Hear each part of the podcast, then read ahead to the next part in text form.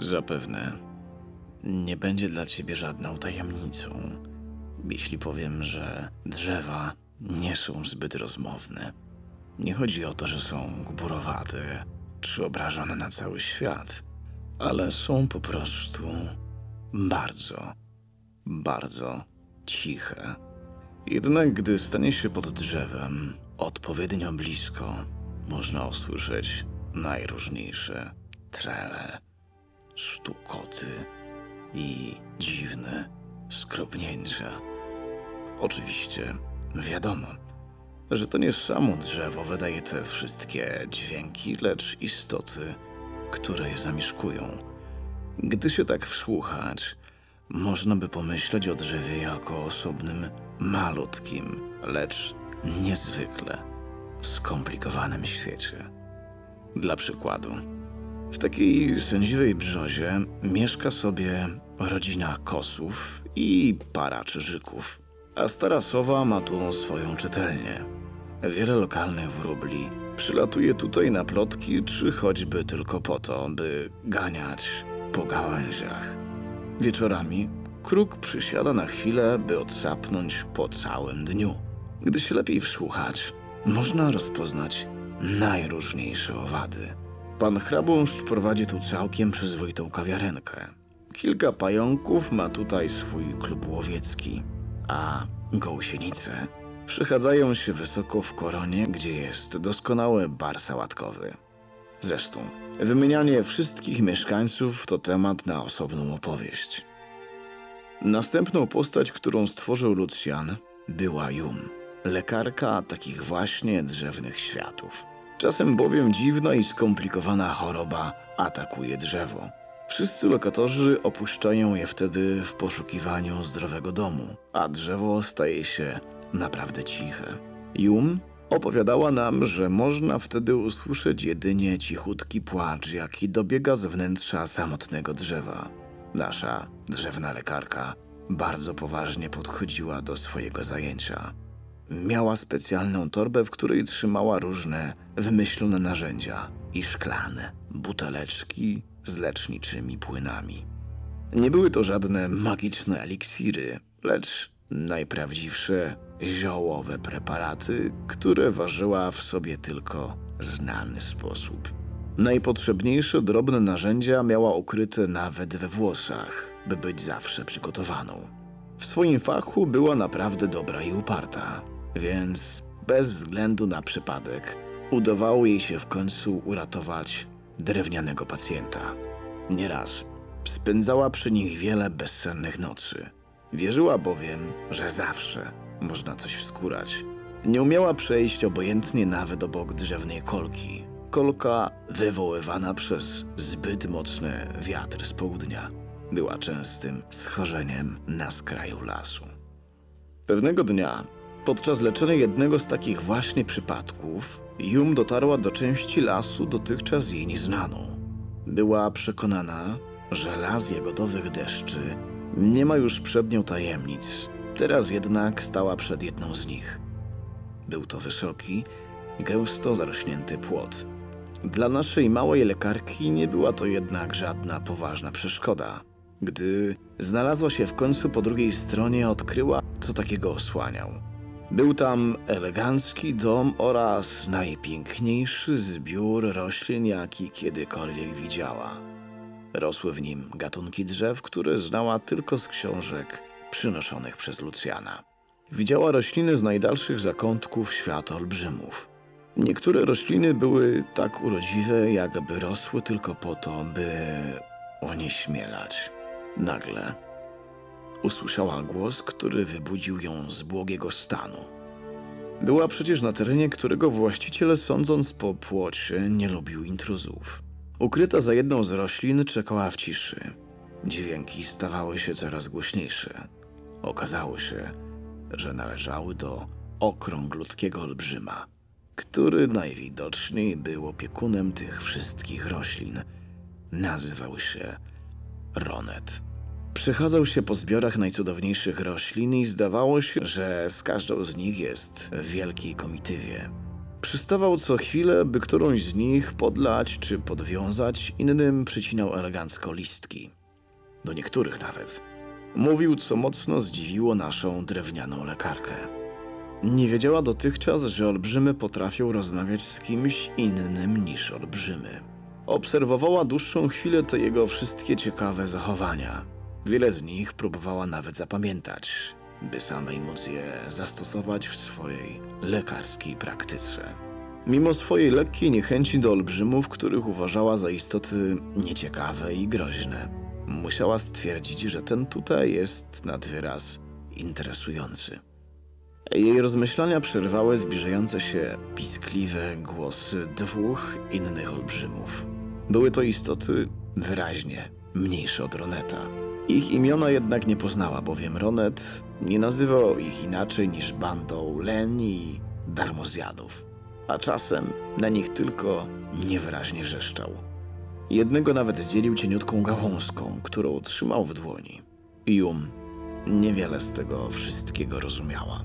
Widocznie olbrzymy musiały zrobić coś strasznego, by kogoś takiego jak Ronet doprowadzić do szału. Na szczęście, po chwili istoty pobiegły w inną część ogrodu i Jum mogła znowu przybywać tylko z Ronetem.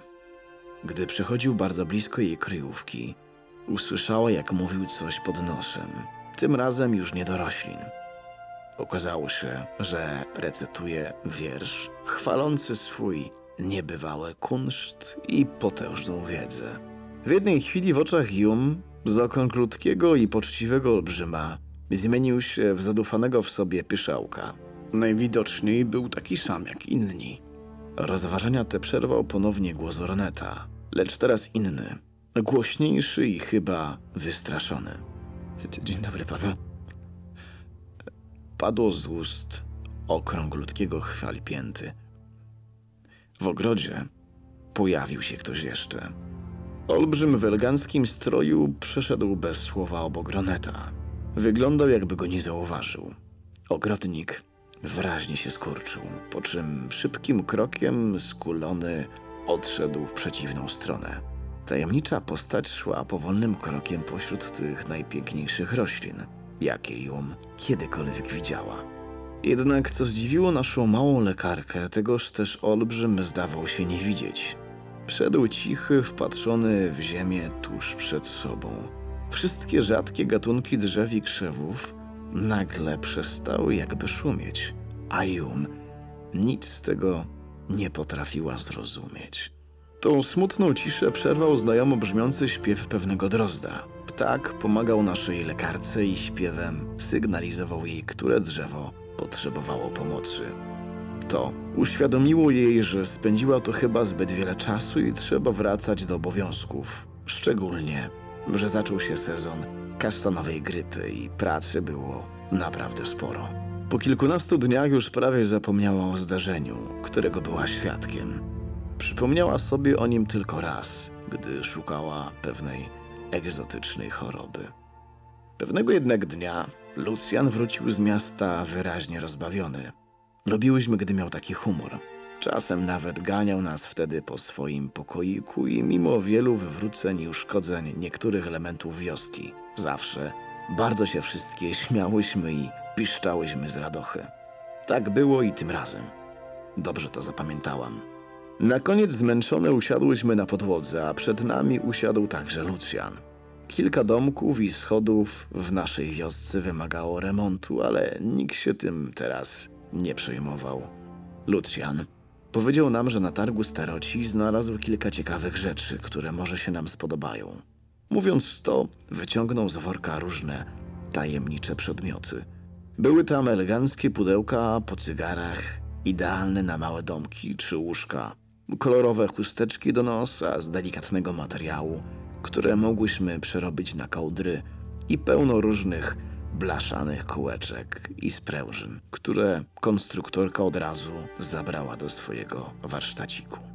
Wiele przedmiotów nie znałyśmy, ale byłyśmy zachwycone tą stertą malutkich buteleczek, drewnianych patyczków, mechatych kulek, które śmiesznie łaskotały oraz całą masą nakrętek, sznurków i igieł. Na koniec Lucjan wyjął z worka wielgaśny przedmiot, który z ledwością się w nim mieścił. Powiedział nam, że jest to elegancki zegar, który choć nie działa, będzie idealnym zamkiem dla królowej. Rał, co prawda miała już zamek, który zrobił Lucjan na początku, lecz nie chcąc mu robić przykrości, nigdy nie przyznała, że jest wyjątkowo pokraczny. Teraz miała mieć zamek z prawdziwego zdarzenia i widać było, że jest tym faktem szczerze wzruszona. Po rozdaniu prezentów, gdy już było trochę spokojniej, Lucjan zbliżył się do Jun. Szeptem opowiedział jej o pewnej rozmowie, jaką odbył w mieście. Otóż, wracając do domu, przechodził obok miejsca, gdzie olbrzymy piją chybotliwe napoje. Na schodach wejściowych spotkał wyjącego z płaczu olbrzyma. Jak się później okazało, był nim Ronet, którego Jum dobrze sobie przypomniała. Trochę ją to zdziwiło, bo płacz to była ostatnia rzecz, jaka pasowała do tego chwali pięty.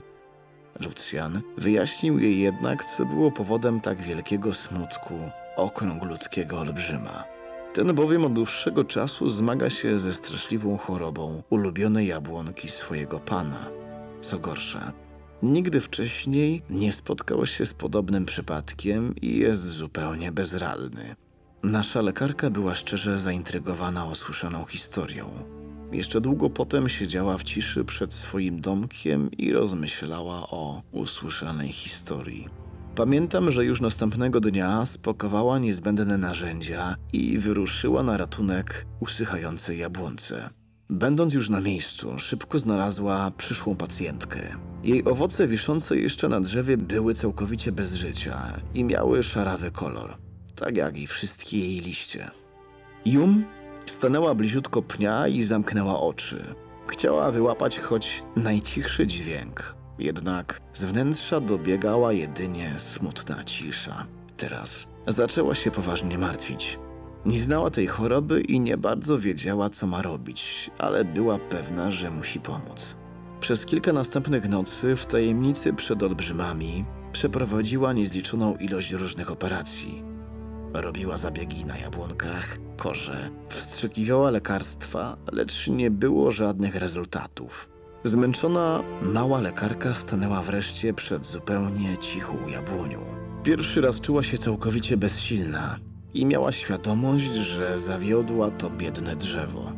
Jum postanowiła, że nie może się poddać i zrobiła coś, czego nigdy się po sobie nie spodziewała. Przedstawiła się Ronetowi. Jak się zapewne domyślasz, olbrzym, gdy zobaczył maleńką Jum na swoim stole, myślał, że zwyczajnie zwariował. Biegał zabawnie po swoim pokoju i co chwilę się wywracał. Gdy moczenie głowy z bali z zimną wodą nie pomagało i maleńka Jum nadal stała na stole, Ronet usiadł na podłodze. Schował głowę w dłonie i zaczął płakać. Na szczęście dla Jum nie wybiegł z pokoju, bo musiałaby go ganiać po wielkim domu. Podeszła więc bliżej wyjącego olbrzyma. Chcę ci tylko pomóc z chorym drzewem, powiedziała spokojnym głosem. Ronet widocznie pogodził się z tym, że postradał zmysły i wymyślił sobie nieistniejącego pomocnika. Chyba nie było to dla niego takie straszne, bo wyjął swoją ogromną, pulchną twarz z dłoni i powiedział: Witaj, mała zjawo. Jum. Bardzo rozbawiło to przezwisko. Dlatego nie powiedział olbrzymowi, kim jest naprawdę. Nie wiem, czy można mi jeszcze pomóc. Żalił się Ronet. Próbowałem już wszystkiego. Nawet zwolniłem moich obiboków do domu, by mi nie przeszkadzali. Użyłem całej swojej niesamowitej i nieskończonej wiedzy, ale poległem. Jum przypomniała sobie, jakim chwalipiętą był ten okrąglutki olbrzym. Jednak nie było to teraz najważniejsze. Kiedy jabłonka zaczęła rodzić martwe owoce, spytała zaciekawiona. Wszystko zaczęło się kilka tygodni temu. Wtedy właśnie po raz pierwszy zauważyłem, że jabłonka zaczęła tracić kolor. Odrzekł, olbrzym wycierając zapłakane oczy. Opowiedział jej dokładnie, co próbował robić, jakie lekarstwa stosował bez skutku. Długo razem rozmawiali. Ją musiała przyznać, że przy bliższym poznaniu Ronet wcale nie jest taki straszny i że jest, tak jak ona, wielkim miłośnikiem roślin. Teraz tym bardziej chciała mu pomóc. Ronet opowiedział jej także o swoim panu, znanym na całym świecie muzyku, zapraszanym na koncerty w najdalszych częściach świata. Niestety stracił on zapał do gry, gdy tylko jabłonka zachorowała. Przestał się wtedy odzywać i bardzo posmutniał. Miało się wrażenie, że choroba jabłonki w pewnym stopniu dotknęła również jego. Okazało się, że owa jabłonka była jedyną pamiątką po zmarłej żonie muzyka. Cała rodzina bardzo martwiła się o wirtuoza. Tym bardziej, że już za kilka dni miał on wystąpić w niesamowitym koncercie jako gwiazda wieczoru. Na koniec swojej opowieści Ronet wspomniał również o jedynej córce muzyka, przesympatycznej olbrzymce imieniem Mola. Mimo nakazu ojca nie chciała ona zostać jego następczynią i nie chciała wielkiej kariery i sławy, jaką miałaby idąc w jego ślady. Zamiast tego wybrała skromne życie u boku wiejskiego lekarza, z którym planowała ślub. Jum dowiedziała się również, że znany muzyk, usłyszawszy o planach córki, bardzo się zezłościł. Z jego ust padały straszne słowa, a po pokoju latały tłuczone naczynia. Tej samej nocy, kiedy miała miejsce owa awantura, córka muzyka spakowała swoje rzeczy i uciekła. Nikt jej od tamtej pory nie widział. Co bardzo zdziwiło naszą maleńką medyczkę, to to, że muzyk doskonale wie, gdzie mieszka wiejski lekarz, którego wybrała Mola. Jest jednak olbrzymem zbyt dumnym, by pójść i przeprosić swoją córkę. Zamiast tego cały smutek i żal wylewa chodząc do ogrodu. Tam przystaje przy swojej ulubionej jabłonce i rozmawia z nią jak z utraconą, ukochaną córką. W momencie, gdy Ronet wspomniał o tym fakcie, oboje z Jum aż za nie mówili. To nie mógł być przypadek. Mimo, że oboje byli pewni, że znaleźli przyczynę choroby, bardzo się zmartwili, ponieważ nigdy wcześniej nie słyszeli o podobnej historii. Co jednak teraz mają zrobić? No przecież nigdy nie zdołają namówić muzyka do rozmowy z córką. Ronet, załamany, usiadł na podłodze, a na jego kolanie usiadła również załamana Jum. Sytuacja wyglądała na zupełnie beznadziejną. Wtedy usłyszeli delikatne pukanie w szybę. To był Lucjan Rzekotka. Martwił się kilkudniową nieobecnością swojej maleńkiej lekarki. Ronet wpuścił go do pokoju, bo był już chłodny wieczór i Lucjan wyglądał na mocno zmarzniętego.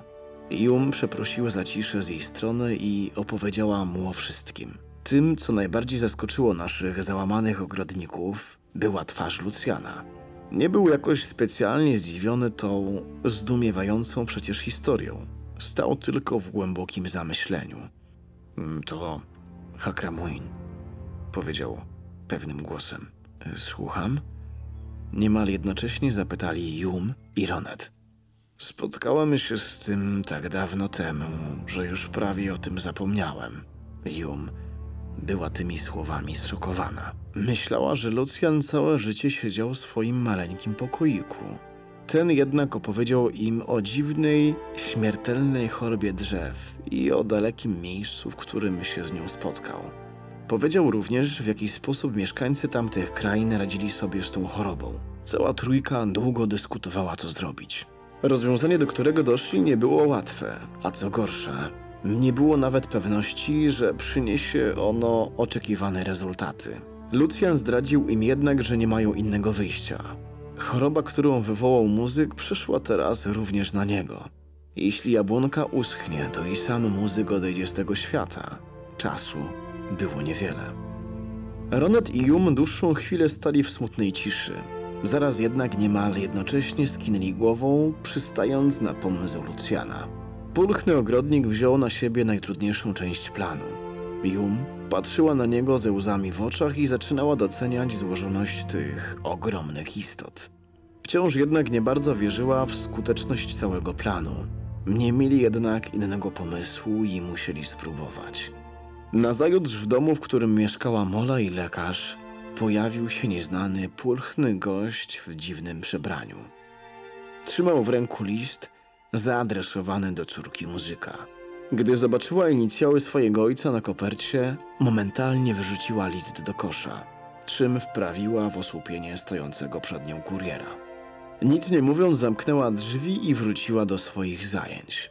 Na szczęście jej przyszły mąż zdawał sobie sprawę, jak sytuacja z jej ojcem źle na nią wpływa, dlatego postanowił przeczytać wygniecioną kartkę. Nadawca pisał w liście o rozmowach muzyka z drzewem, o jego wielkiej, skrywanej tęsknocie za córką, której nie może przemóc przez potworną dumę, jaka w nim jest. Później opisana była dziwna choroba, która powoli zabija jabłonkę.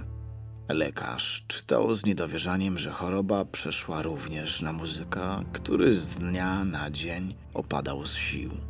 W dalszej części opisane było rozwiązanie tej strasznej sytuacji. Jednak medyk, który był z natury twardo stąpającym po ziemi olbrzymem, nie potrafił w nią uwierzyć.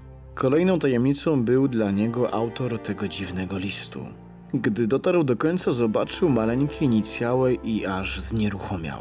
Czuł, jak zimny pot spływa mu po plecach. To nie mogła być prawda. W tej chwili podeszła do niego Mola, zaciekawiona ciszą w pokoju medyka. Ten podał jej wygniecioną kartkę, na której z niedowierzaniem zobaczyła inicjały swojej matki. W domu muzyka zbliżało się południe. Była to pora jego codziennych, samotnych spacerów. Ronet nie mógł na to wszystko patrzeć. Leżał załamany na swoim łóżku i wspominał w myślach, jak list trafia do kosza. Co teraz będzie z nim samym? Co będzie z jego panem? Jum natomiast oddaliła się od Roneta, by lepiej widzieć samego muzyka. Czy ich plan cokolwiek zmienił? Sama nie bardzo w to wierzyła. Zegar w wielkim domu właśnie wybił południe. Znany na całym świecie muzyk stał teraz na środku ogrodu, tuż przed swoją chorą jabłonką. Wyglądał, jakby zobaczył ducha. Jego twarz była całkowicie blada. Drzewo, które było jego jedyną pamiątką po córce i żonie, któremu mógł się wyżalić, leżało ścięte na ziemi. Wiedział, kto mógł to zrobić. Muzyk stał z zaciśniętymi pięściami, z oczami, z których biła wściekłość i niedowierzanie, gdy nagle ktoś delikatnie chwycił go za ramię. Cześć, tato. Spokojnym głosem przywitała go Mola. Muzyk gwałtownie odwrócił głowę. Nadal nie mógł wierzyć w to wszystko. Czy, czy to naprawdę ty? Wydukał drżącym głosem.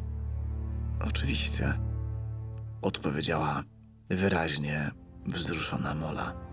Muzyk dostrzegł w dłoniach swojej córki metalową piłkę i już wiedział, że to nie Ronet jest winny, lecz zrozumiał też coś dużo ważniejszego. Otarł łzy i powoli powiedział do swojej jedynej córki: Pogadajmy, kochana.